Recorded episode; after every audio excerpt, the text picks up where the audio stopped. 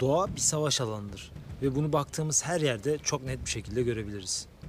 Köpeklerin kedileri kovalamasında, kedilerin kuşları, kuşların böcekleri, böceklerin başka böcekleri kovalamasına kadar her yerde biz farkında olmasak bile büyük bir hayatta kalma savaşı var. Savaş, evrim ve bilim tarihinin birçok aşamasında aynı zamanda her zaman ilerlemenin ve güçlenmenin de temel sebebi olmuş. Savaşlardan dolayı birçok ilaç ve günlük kullandığımız eşyalar icat edilmiştir. Savaş çok kötüdür ve yıkıcıdır ama nefes aldığımız her yerde vardır. Savaşın yıkıcı sonuçlarından korunmak için bütün canlılar tıpkı her ülkenin geçmişte ve günümüzde yaptığı gibi kendinden daha güçlü yırtıcılara karşı milyonlarca yıldır çeşitli savunma yöntemleri geliştirmek zorunda kalmıştır.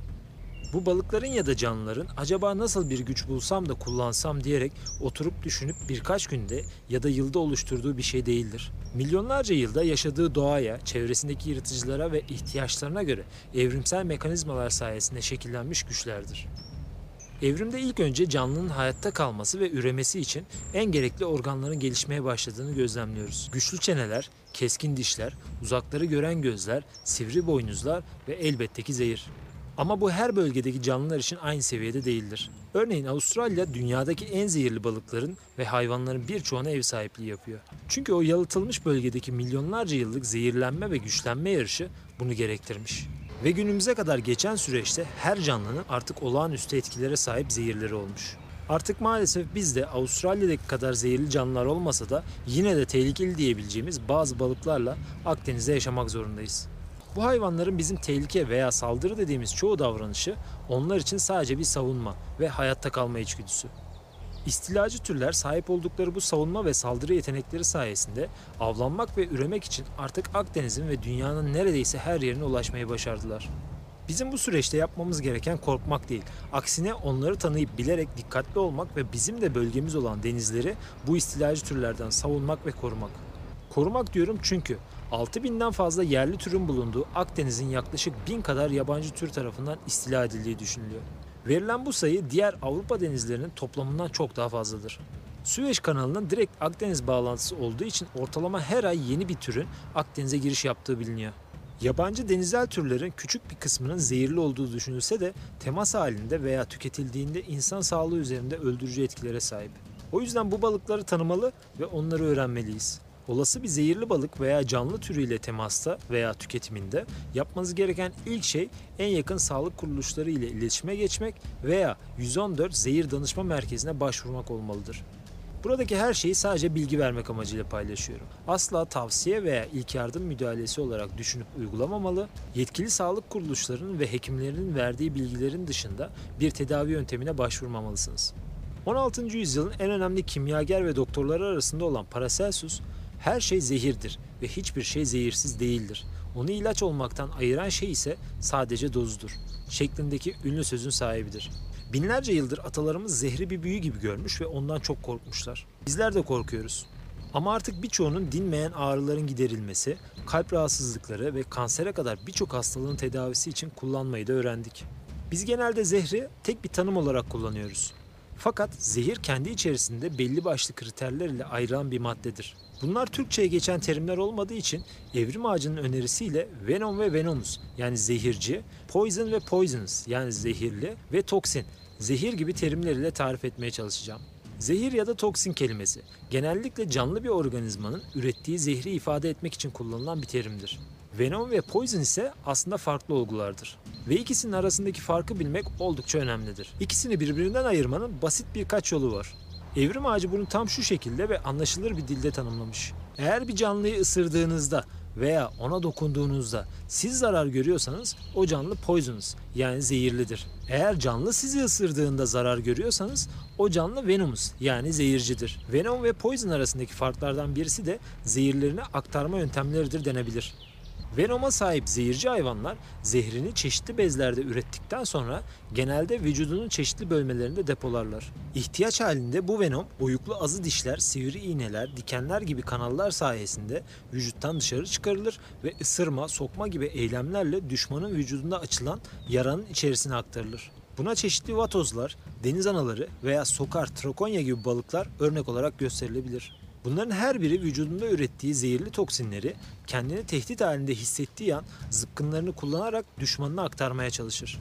Poison ise bezlerde üretildikten sonra canlının genelde vücudunun yüzeyinde bulunur ve daha çok küçük canlılarda görülür ve tam anlamıyla kusursuz bir savunma mekanizmasıdır.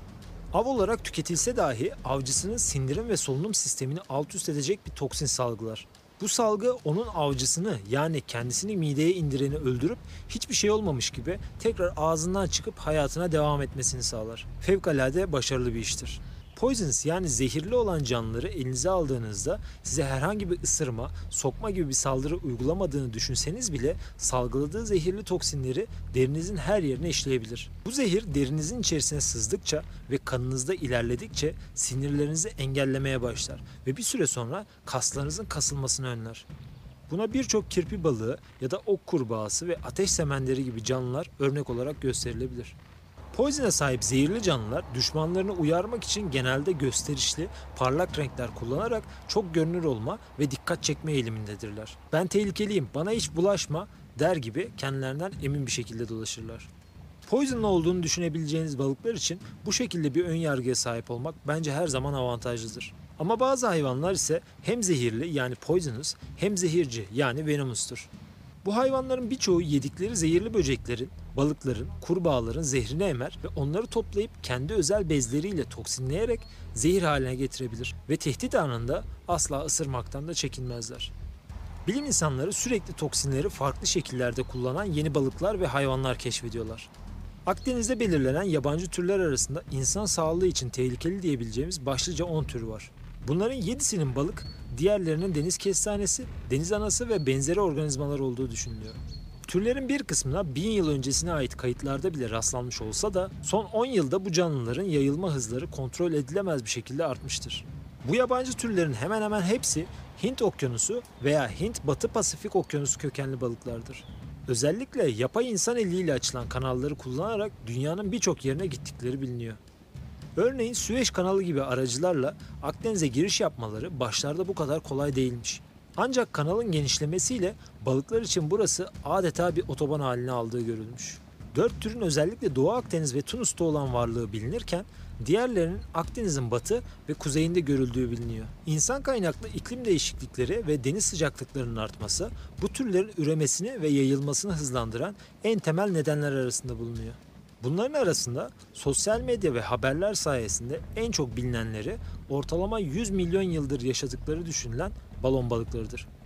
Evrim sürecindeki hızlı adaptasyonları, üreme kapasiteleri ve genetik çeşitliliğinin yüksek olması dünyanın her yerine yayılmalarını ve istediklerini elde edene kadar da vazgeçmeyecek kadar inatçı olmalarını sağlamış. Siyanürden 1200, morfinden 3000 kat daha fazla toksin içeren tetrodotoksinin balon balığında bolca bulunduğu biliniyor. Sahip oldukları bu toksin onları çok zehirli balıklar haline getirmiş ve ailelerine bu zehrin ismini vermelerini sağlamış. Tetraodontidia ailesinin 8 türünün, Diodontidia ailesinin ise 3 türünün Akdeniz'e dolaştığı gözlemlenmiştir.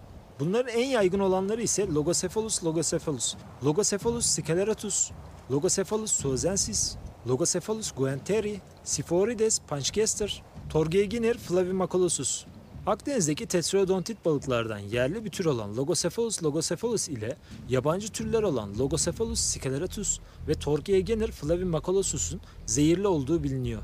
Özellikle Akdeniz'in en istilacı yabancı tür balıklarından biri olan Logocephalus sceleratus türü olan balon balıklarının insanlar tarafından tüketilmesi nedeniyle birçok zehirlenme vakalarının meydana geldiği biliniyor.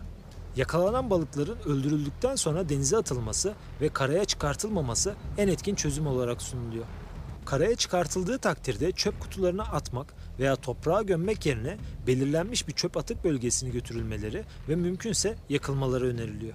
Toprağa gömmek belki ekosisteme zarar vermeyebilir ama buraları eşeleyip bu balıkları tüketecek kedi köpek gibi canlılar için oldukça tehlikelidir. Maalesef ki yakmak en kalıcı çözüm. Tetrodotoxin bu balıkların yumurtalarında, karaciğerlerinde, kas ve derilerinde bulunmaktadır. Ve bilinen en güçlü zehirler arasındadır. Bir balon balığı 30 yetişkin insanın ölümüne neden olabilecek seviyede bir tetrodotoxin içeriyor. Zehirlenme belirtileri ise bulantı, kusma, baş dönmesi, baş ağrısı, karın ağrısı ve ilerleyici kas felci şeklinde kendini gösteriyor. Son aşamada solunum felcine bağlı olarak daha tehlikeli sonuçlara da yol açabildiği biliniyor. Tam başlarda anlattığım poisonous yani zehirli diyebileceğimiz balık özelliklerinin hepsine sahip gibi görünüyor. Özellikle Logocephalus scleratus hatalı bir şekilde geleneksel Japon yemeği olan fugu balığı için kullanılan türlerle bir tutuluyor. Ağırlıklı olarak Asya ülkelerinde tüketilen fugunun lezzeti balığın etinde yani kas dokusunda bulunduğu ve balığın eti yüksek toksin içerdiği için Japon Sağlık ve Çalışma Sosyal Yardım Bakanlığı türlerin seçimi ve işlenmesiyle ilgili ayrıca bir katalog hazırlamış. Bu kataloğun içerisinde yenilmesine müsaade edilen balon balıklarının türleri ve kısımları listelenmiş. Ve bu balıkları pişirmek için usta aşçılar 3 yıllık zorlu eğitimlerden geçmek zorundadırlar. Başarılı olan prestij sahibi aşçılar sahip oldukları diplomalar ile kendi restoranlarını açabiliyor. Japonya fugu deneyimini öyle kolay kazanmamış. Yaklaşık 2500 yıldır Japonlar fugu balığını tüketiyor. Kaydedilen tarihi raporlara göre 1886 ile 1963 yılları arasında toplam 6386 zehirlenme ve 3767 ölüm vakası gerçekleşmiş. 1983-1992 yılları arasında ise 449 zehirlenme ve 49 ölüm vakası gerçekleşmiş. 2000'li yıllara gelmemizle birlikte gelişen bilim ve tıp vaka ve ölüm sayısını oldukça düşürmüş. Çünkü verilere göre 2006-2015 yılları arasında 356 vaka ve 10 ölüm gerçekleşmiş. Bu inanılmaz bir başarı. Siforides paçgester türü hariç özellikle Akdeniz'de bulunan balon balığı türlerinin hiçbiri kas dokusu ve derisinde bulunan yüksek tetroyotoksin nedeniyle Japon Bakanlığı'nca izin verilen fugu balıkları listesine dahil edilmemiştir. Ayrıca türlerin birbirine çok benzemesinden dolayı da besin olarak hiçbirine tüketilmemesi tavsiye edilir. Balon balıkları dış görünüşüyle birbirinden pek ayırt edilmese de diğer balık türlerinden hemen ayrılır ve fark edilirler.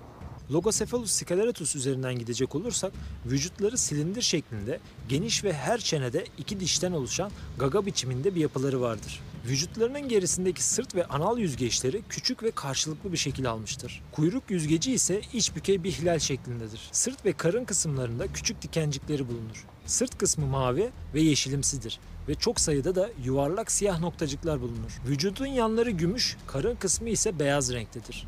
Denizlerimizdeki en büyük boya ulaşabilen balon balığı türüdür. 1 metre boya kadar ulaşan örnekleri bilinmektedir. Özellikle 5-20 metre arasındaki derinliklerde gezdiği bilinse de 250 metreye kadar her derinlikte dolaştığı düşünülüyor. Balon balıkları kendilerini düşmanlarından korumak amacıyla gerektiğinde midelerini su veya hava ile doldurarak şişirirler. Bu yüzden Türkçe'de balon balığı olarak isimlendirilmişlerdir.